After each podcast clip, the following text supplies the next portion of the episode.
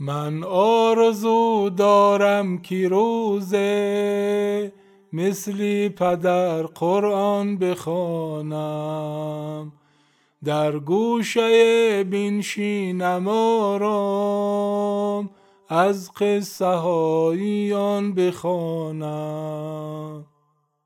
من خوب می‌دانم که قرآن از هدیه های آسمان است. هر حرف زیبایی که دارد. حرف خدایی مهربان است. قرآن برایم همچو باغ است. باغ پر از گلهای خوشبو. باید همیشه دوست باشم.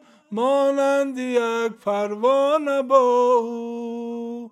مانند یک پروانه با او. من آرزو دارم که روزه مثل پدر قرآن بخوانم.